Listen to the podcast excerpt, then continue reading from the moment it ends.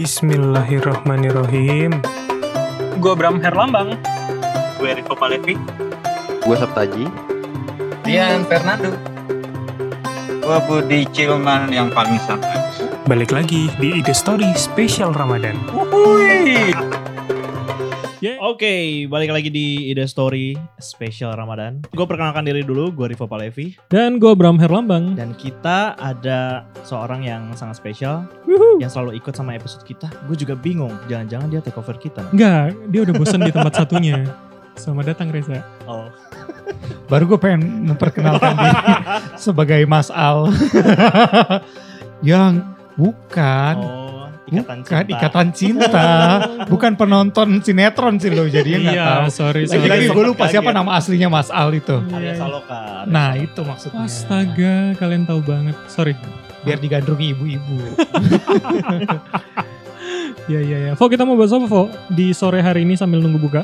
Hmm, yang menarik sebenarnya kalau buka itu kita kadang suka milih ya tempat makan mau di mall, mau di rumah atau mau makan pakai apa gitu. Tapi perdebatan yang juga jadi diskusi penting bagi kita baik keluarga maupun teman-teman adalah ketika buka kita langsung ngemil dan abis itu sholat maghrib dulu atau kita langsung buka pakai nasi. Kalau lo gimana bro? Kalau gue tipe yang makan dulu karena gue gue Makan dulu sebelum buka. Iya, Ngabuburitnya makan. iya sih biar lebih nggak berasa gitu loh puasanya. Nggak, kalau gue orang yang bukan nggak sabaran ya, tapi gue berprinsip bahwa lebih baik uh, gue kenyang dulu. Jadi ketika ibadah gue tidak kepikiran buat makan. Oh iya. Atau iya. kadang misalkan sekarang udah mulai kerja kan, jadi berasa kadang capek gitu. Misalkan banyak drama di tempat ini liputan di kantor kan nggak ada drama ya. Nah jadi ya gitulah. Jadi kayak aduh gue lapar nih, aduh gue butuh tenaga nih habis mikir gitu Gue pikir loh. takut sholat maghribnya gemeteran gitu kan. Iya ya salah satu. pas lagi sujud ketiduran, kalau kepikiran makanan atau Iya, atau ke nggak gue takut pas sujud kentut kan karena angin doang gue. Atau yang lagi ngetren. Apa? Sujud kakinya diangkat ke Oh atas. iya benar handstand, handstand.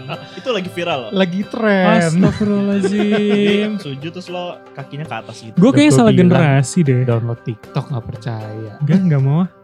Nah, lu orang yang gimana, Fo?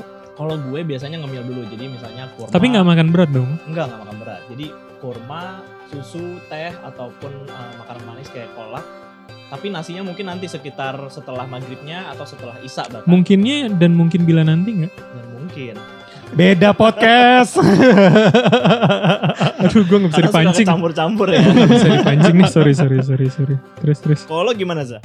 Kalau gue justru eh, biasanya gue berbuka puasa dengan yang manis. Tapi mau yang setia apa? Udah lah. Ah, jokes bapak-bapak. eh inget tahun ini Apa? eh salah bulan ini Ramadan cuma 18 hari. Kok bisa? Sisanya bulan Mei. itu Iya, jokes iya, gua tahu bapak-bapak itu, jokes bapak. Enggak Itu lebih bapak lagi sih. Agak kurang ya. Iya, jadi kalau gue biasa buka eh, ngambil dulu yang pasti harus ada teh manis. Tapi mostly gue tehnya teh tawar sih.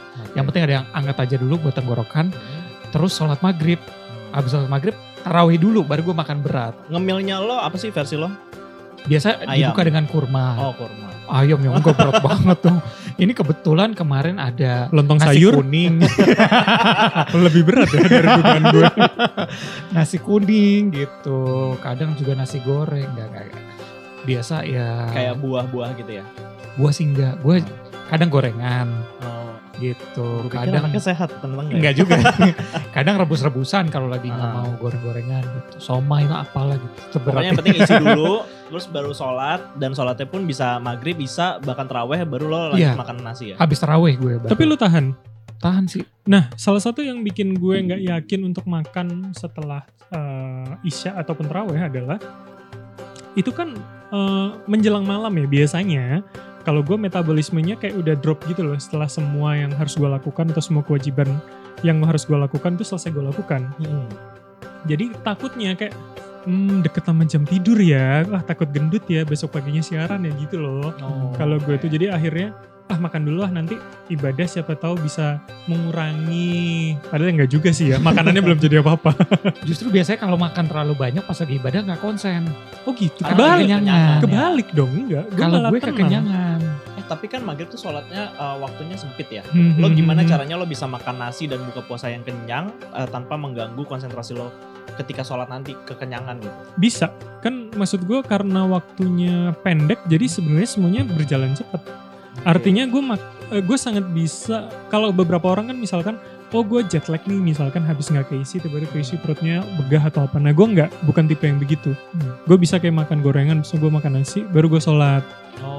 Nah itu kayak gue juga nggak merasa bersalah bahwa oh eh, habis makan banyak ya gue pakai kan gue menganggap bahwa sholat adalah olahraga ya Iya, iya. selain ibadah adalah menye- menyegarkan tubuh gue jadinya gue merasa ya juga itu membakar kalori Nah, even kenapa belum- gue nanya nanya itu tadi? Karena gue baca artikel ya dari Dr. Aji Suranto dalam Hah? bukunya terapi enzim.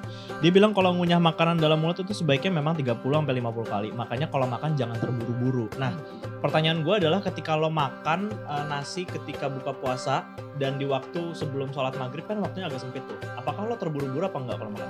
Enggak sih, tapi memang kalau gue bilang ketika pola gue itu bisa dilakukan ketika gue sendirian. Oke. Ketika kumpul sama keluarga yang harus sholat berjamaah, Hmm. itu agak susah.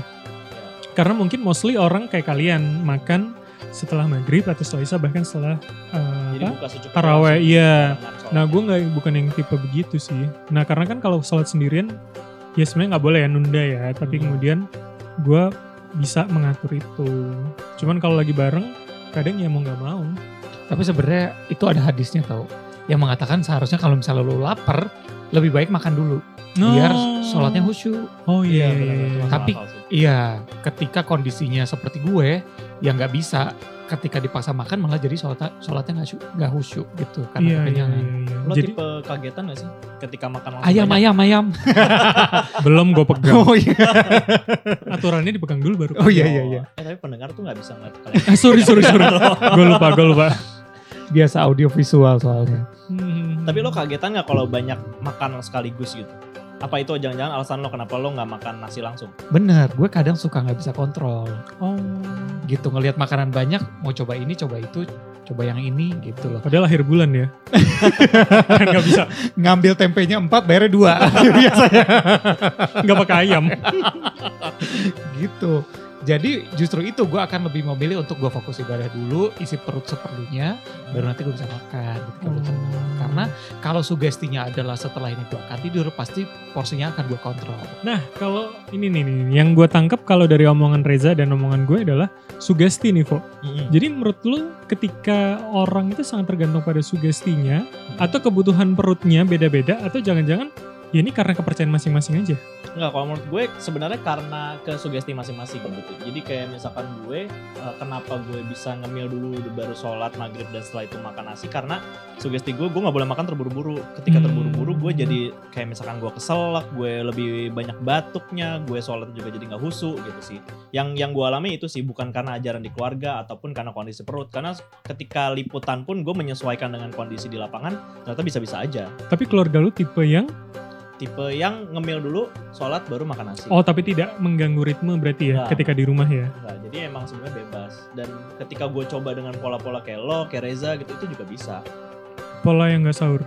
Eh sorry itu Bukan, episode beda sebelumnya. Bener, tapi kalau begini sebenarnya bisa diterapkan ketika kita lagi buka puasa bersama di mall atau di mana gitu. Hmm. Lo lebih baik makan dulu, makan sampai puas, baru kejar sholatnya. Ka- Karena mostly sebagian orang akan pilih untuk sholat dulu. Iya, Dibandingkan waktu lo habis, maghribnya habis, ketika lo ngantri. Jadi itu beda, itu dulu. beda. Iya ya, maksud gue ada pola tertentu ketika Iya. tidak makan di rumah. Iya. Even lu lagi Setuju. bukber di satu restoran kan orang milih sholat dulu ya. Hmm. Jadi kadang terlalu rame nunggunya panjang ya Iya. kan. Pas orang-orang lagi sholat, lu makan yang banyak. Iya. Tapi tetap jatah lu ya, orang lain gak ya. Ya udahlah, pokoknya kita kembalikan ke pendengar. Kira-kira cocoknya seperti apa? Apakah mau makan dulu, sholat dulu, ataukah nanti sebelum tidur itu nggak masalah. Karena semua kembali pada sugesti dan juga kebiasaan masing-masing ya teman-teman. Bener, yang penting makannya harus yang halal ya. Oke. Ah, aduh, susah. enak banget untuknya. Ah, gini-gini konsep Heeh. terakhir tuh naik. Oh, iya, iya, Tolong iya. jangan dropin. Nah, Oke, ya maaf saya juga bintang tamu di sini. Diundang lagi ya. Oke, sampai ketemu di ide story spesial Ramadan berikutnya. Sem- Bye-bye. Dadah.